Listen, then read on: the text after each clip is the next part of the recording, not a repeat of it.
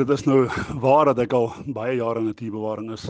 Al 38 jaar al en uh daarvan is seker so 30 jaar in die voormalige Transkei gespandeer waar ek uh, op die Willekus veral gewerk het en nog steeds werk.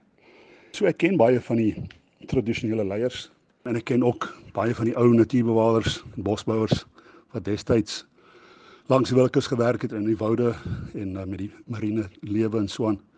So my proefskrif is eintlik getiteld uh, Biodiversity Conservation of South Africa's Wild Coast Through the Years in exploring the tensions between Western style and local traditional conservation practices. So ek kyk bietjie na die geskiedenis van natuurbewaring op die Willekus en uh dit strek al vanaf die 1800s al. Uh koning Sagili was een van die eerste natuurbewaarders in ons land. Nou Sagili het nie vroeg 1800s al Dwesse en Manubi woude uiteengesit as bewaringsareas. En baie min mense weet daarvan. En dan hier diep in die 1800s, 1888, toe kom maar eers bosbouers soos Henkel aan. En uh in die koloniale regering het toe daai woude uitgesit vir bewaring. Maar ehm um, so deur die jare het die tradisionele leiers is hulle agtergelaat. En ek dink dit was 'n groot fout wat gemaak is. Want 'n um, paar honderd jaar al het hulle die land regeer op hulle tradisionele manier. En ek wou nou 'n bietjie kyk nou hoekom was daar konflik nou tussen die westerse manier van natuurbewaring en daai ou maniere van die natuurgebruik en natuurbewaring wat tradisioneel gedoen is. So dis basies waaroor die studie gegaan het en omdat ek so baie van die ou natuurbewaarders en en bosbouers en Amakosi en so aan leer ken het en en saam met hulle gewerk het en so en was dit vir my maklik om vir hulle vrae te vra, onderhoude te, te hou met hulle. Partykeer het ek lank gesit, ag 6 ure lank en gesit ons ons gesels, ons drink bier, ons ons eet en ons gesels oor natuurbewaring en waarom die Willekus bewaar moet word. Daar's dele wat nog in 'n goeie toestand is, maar daar's baie druk op die Willekus vir die ekonomie. Daar's sandmynery wat aangaan. Daar's woude wat uitgekap word. Daar's jy weet die die Kolobeni titanium myn wat nog steeds daar horizon is. En natuurlik die die N2 wat deurkom en en alles veroorsaak konflik. En as ons nou nie saam met die tradisionele leiers werk nie, dan gaan ons die stryd verloor om die Willekus te bewaar op 'n manier. Maar wat sê die tradisionele leiers. Hoe sien hulle dan nou natuurbewaring? Nou moet ek ook hierso byvoeg dat beeste in die Xhosa kultuur baie belangrik is.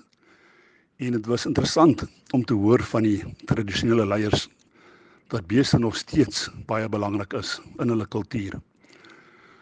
Hulle nog steeds hê dat daar weiding moet wees langs die kus vir hulle beeste. So ons kan nie net natuur reservate skep en sê dat daar nie beeste mag wei nie. Dit was definitief een van die gevolgtrekking wat ek gemaak het na hierdie studie. En die hele ding van klosse kultuur moet ek bysê is een van die goed wat ons nou nie in ag geneem het toe ons reservate geskep het nie. Ons het die plaaslike bevolking uitgesluit. En ek praat nou van jare terug natuurlik. Dit is nou gelukkig nie meer so nie. Maar histories het dit gebeur en mense onthou dit nog steeds. So ons ons het baie werk om te doen en ek dink die model vir die toekoms kan nie wees om so westerse manier van natuurbewaring alleenlik te gebruik nie. Ons sal moet kyk na volhoubare benutting van natuurlike bronne wat daar is, soos die woude en die mossels en die oesters en so en wat al jare lank gebruik is. Ongelukkig in die ou Transkei daar was daar planne wat uitgewerk is deur twee uh, baie goeie ekoloë. Ken Tinley was die een en Prof Willem van Riet was die ander. En hulle het destyds al gesê en ek praat nou van hier 1975 al 74 toe sê hulle luister as julle natuurreservate wil skep dan moet jy met die mense praat en die mense moet baat uit die natuurreservate. Hulle is dieselfde ekoloë wat vir Pilansberg sê maar ontwerp het en daai Pilansberg model het baie goed gewerk het werk nog steeds baie goed. Maar ongelukkig het die Transkei regering nou nie geluister na Tinley en van Riet nie. En hulle het maar die Dwessa en Suleka en Mkambati en hierdie plekke gestig en nou nie baie gekonsulteer met mense nie. Hulle het nou wel met 'n paar van die Amakosi gepraat. Maar die benutting van daai reservate is toe nie gedoen nie en is nie toegelaat nie. En dit was 'n groot fout. En ek dink een van die grootste foute was dat beloftes nie nagekom is nie. Die regering destyds het gesê toerisme gaan instroom in die reservate en gaan werk wees vir die mense. En ongelukkig het dit nie in die Transkei gebeur nie. Dit het nie langs die Willekeus gebeur nie. Daar was wel so 'n paar toeriste wat hier en daar gekom het, maar onthou die paaie is altyd nog steeds baie sleg en destyds was dit vreeslik sleg. En terselfdertyd uh, is die plaaslike gemeenskap uitgesluit. So hulle kon nie meer inkom om hulle beeste te laat wy nie, om van die woude te gebruik nie en om van die skulpvis, veral die mossels te gebruik. En mossels was vir hulle baie belangrik, baie belangrik vir hulle proteïene. Gelukkig is meeste van die tradisionele leiers nog steeds baie pro natuurbewaring. Maar vir alle ander ander redes, ek meen as as as as westelike redes. Hulle wil hulle wil werkskepping hê. Hulle wil ook hulle hulle kultuur, hulle tradisies, hulle wil dit alles laat bewaar. En natuurlik soos ek gesê het, bly beeste vir hulle 'n groot ding. So hulle wil nog steeds hê dat daai plekke gebruik moet word vir veiding. Dis nou baie interessant hierdie wat jy nou alles sê en mens kan maar net hoop dat die toekomstige leierskap wel hierdie faktore in ag sal neem. Maar ehm um, nou heeltemal oor na jou vlak toe. Jy is nou, ek dink in jou laat 50s en jy het in 'n baie laat stadium in jou lewe nou hierdie navorsing vir jou doktorsgraad aangepak. En nou wil ek amper vir jou sê ek dink jy is iets soos 25 jaar te laat want dalk gaan hulle nou by die Kruger Nasionale Park vir jou sê jy's te oud. Al het jy 'n doktorsgraad, kan jy nie daai stukkie geskiedenis 'n bietjie deel met die luisteraars? ja nee, kyk, dis eintlik 'n snaakse verhaal daai want eh, ek het op Residel groot geword.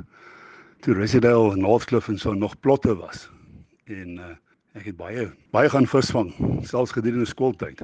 So ek het my pa gesê as ek klaar is met die skool dan wil ek 'n veldwagter wees. En ek kon natuurlik Kreer Wildtuin toe gaan, want elke laaitjie wil mos Kreer Wildtuin toe gaan. My pa wou gehad het ek moet op die spore werk, selfs soos hy en my oupa.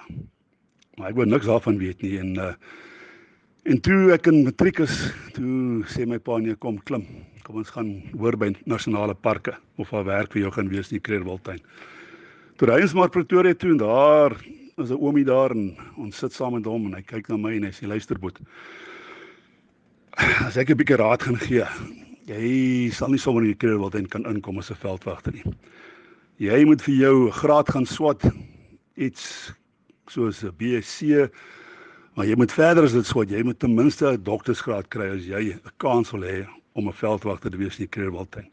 En uh, ek besluit toe net daar en dan nou wel dan sit maar die weermag vir my. Daar het nou weer beklemtoon dat ek nou natiewe ware wil wees want nou daar in daai lieflike bos van die Kapriwe in Angola en so en toe besluit ek nee wag, ek gaan nie weer terug gaan na kantoorwerk toe of Johannesburg of een van daai plekke toe.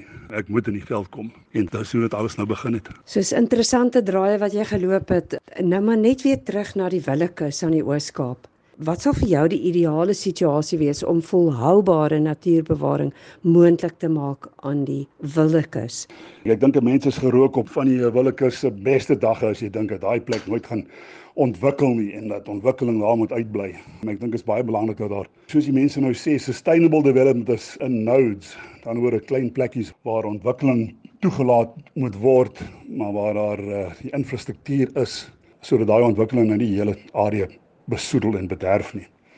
Maar buite daai ontwikkelde areas behoort daar dan verskillende beskermde gebiede te wees van jou suiwer uh, natuurreservate tot plekke waar daar weiding toegelaat word en so voorts.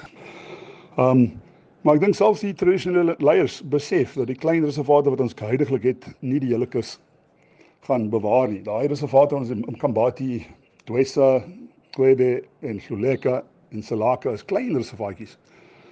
Die Willekus is amper 300 km lank en bitter min daarvan is bewaar. So ons sal moet uitbrei. Daai reservate sal moet groter word as ons vir die toekoms die Willekeus gaan bewaar.